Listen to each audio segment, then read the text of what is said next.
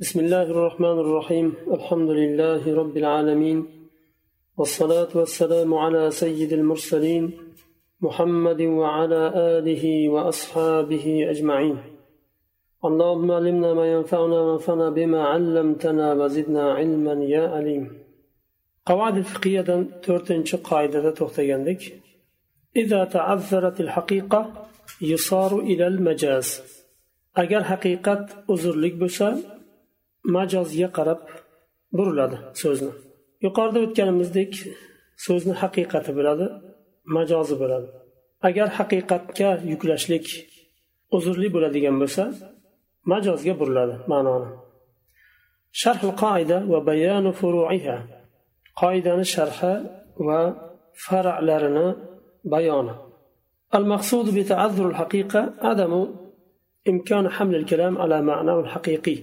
haqiqat uzrlik bo'lsa deyildi uzrlik bo'lsa deganni ma'nosi o'zini haqiqiy ma'nosiga burishlik mumkin bo'lmasa وعدم الإمكان هذا لعدم وجود هذه الحقيقة في الخارج وبو إمكان سزلك قچن bo'ladi xorijda shu haqiqiy ma'nosini bo'lmasligi so'zni haqiqiy ma'nosi bor majoziy ma'nosi bor haqiqiy ma'nosi agar xorijda bo'lmasa voqelikda bo'lmasa demak majozga buriladi bu holda majaziy kalom majoziy ma'noga yuklanadi كما لو قال وقفت داري هذه على أولادي ولم يكن عنده أولاد صلبيون وإنما عنده أحفاد كأولاد ابنه فإن وقفه يحمل عليهم.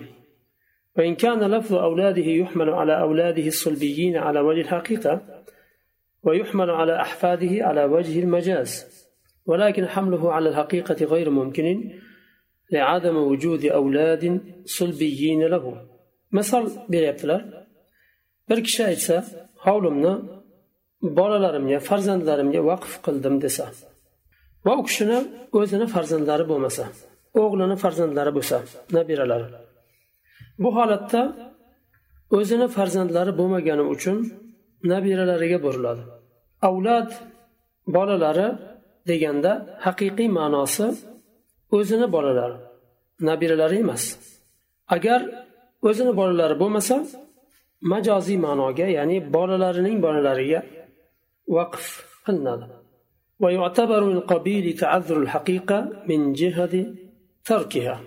Yigirma ikkinchisi haqiqatni haqiqiy ma'noga yuklashni uzrlik bo'lishiga yaqin bo'lgan narsa. Min qobili degani shunga yaqin. Agar haqiqat tark qilingan bo'lsa ba'zi o'rinda urf yo'li bilan haqiqat tark qilinib majoziy ma'noda shu so'z doim qo'llanishi natijasida so'zni aytuvchi kishi majoziy ma'nosini nazarda tutib aytadi. وحمل الكلام عليه لا عليها إذا هجرت باستعمال اللفظ في معناه المجازي دون الحقيقي مجازي ma'noni e'tiborga olishlik e'tiborda tutishlik bir so'zni aytganda va kalomni majoziy ma'nosiga haqiqiy ma'nosiga emas yuklashlik agar haqiqiy ma'nosidan majoziy ma'nosiga hijrat qilingan bo'lsa ya'ni burilgan bo'lsa kama fi qavlil halif qasam ichuvchi aytadiki والله لا آكل من هذه الشجرة.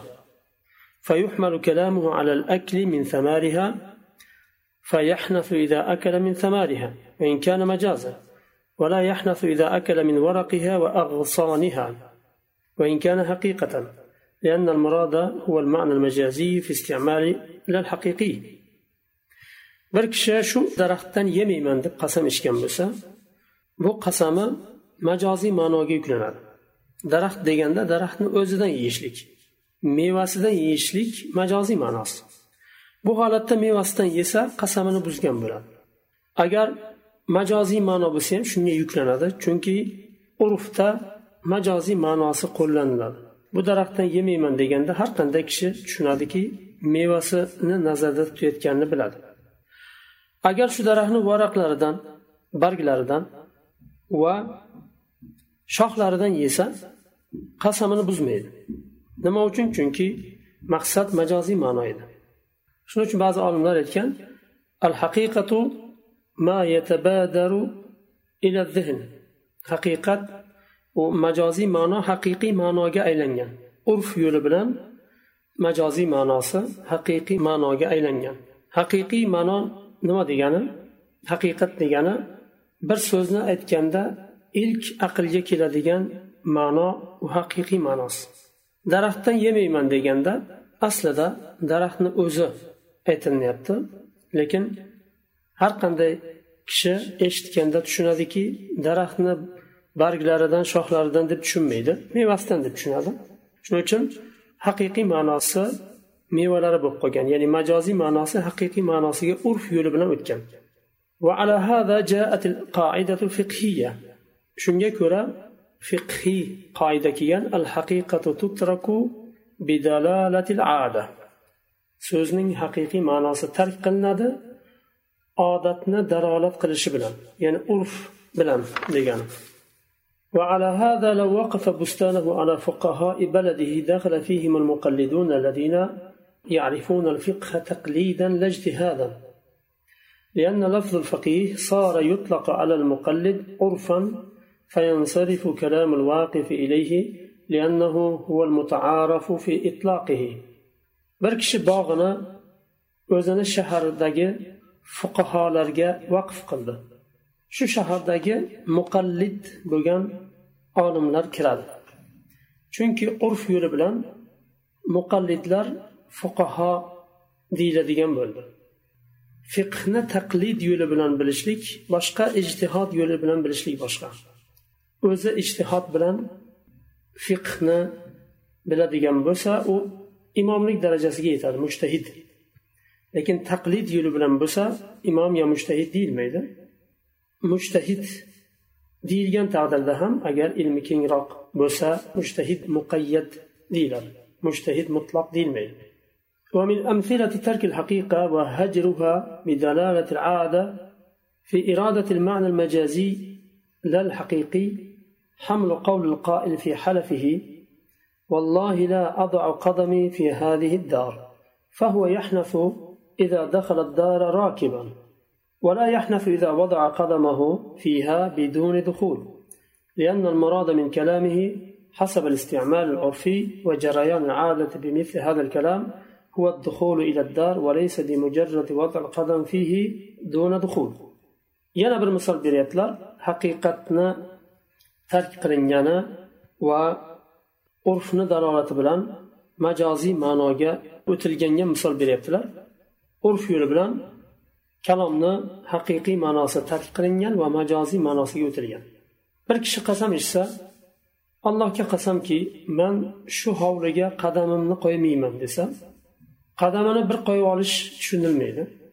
Kirish tushuniladi shu uyga.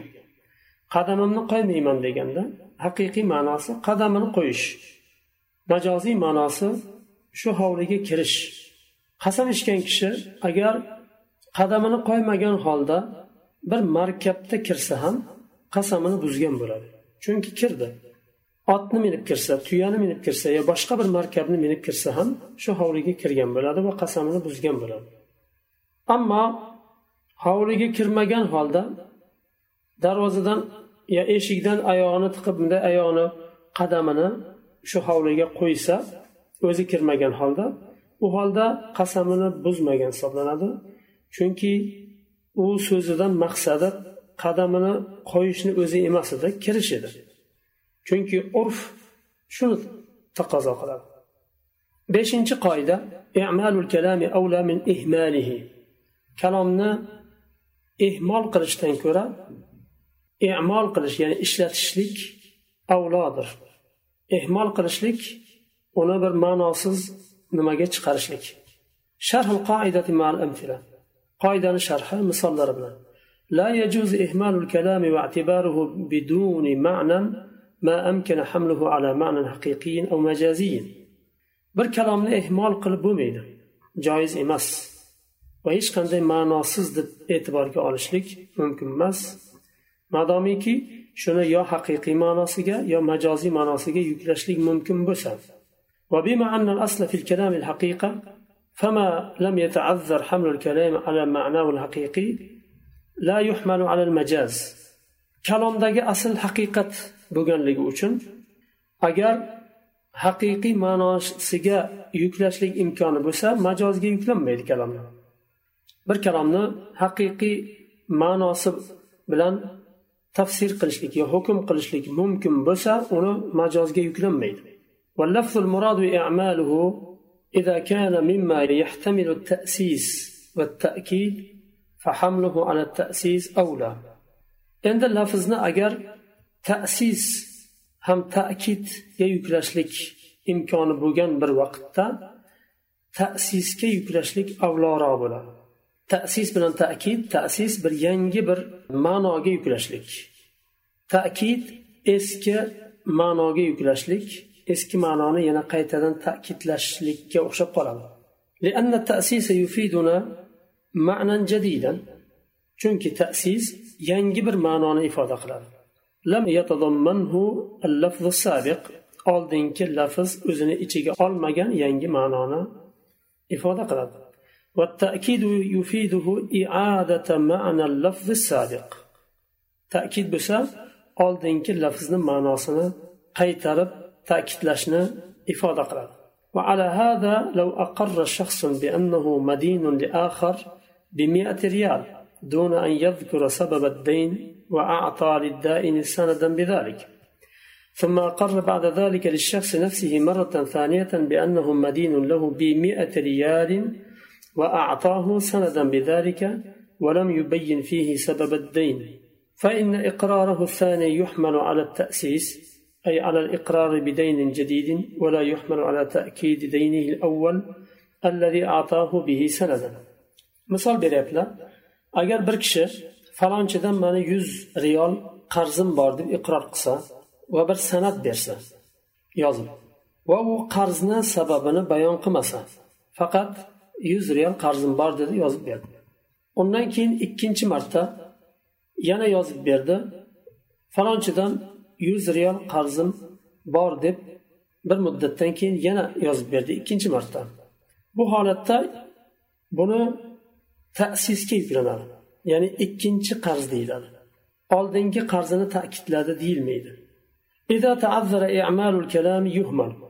Agar kalomni qo'llanishlik ishlatishlik uzrlik bo'lsa uni ehmol qilinadi وهذا هو نص القاعدة الفقهية إذا تعذر يماء الكلام يهمل.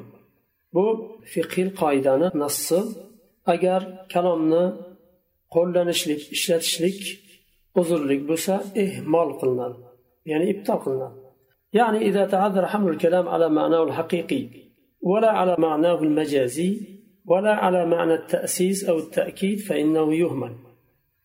Agar kalomni haqiqatiga yuklab bo'lmasa majoziga ham yuklab bo'lmasa tasis yoyinki ta'kidga ham yuklab bo'lmasa u holatda bu kalomni ehmol qilinadi. E'tiborga olinmaydi bu kalom. Bu bir hukm uni ustida turadigan yo hukm beriladigan bir kalom deb e'tiborga olinmaydi.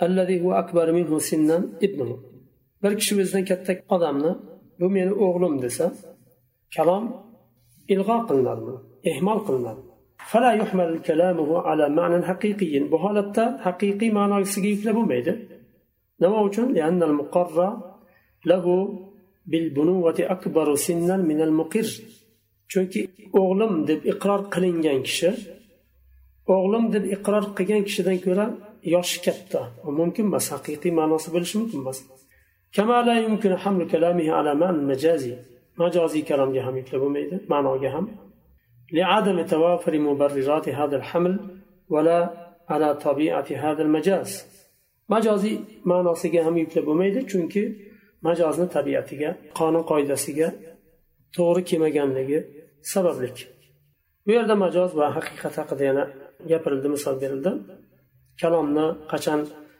e'mol qilish mumkin va qachon ehmol qilinadi kalom shu yerda to'xtaymiz أشهد أن لا إله إلا أنت أستغفرك وأتوب إليك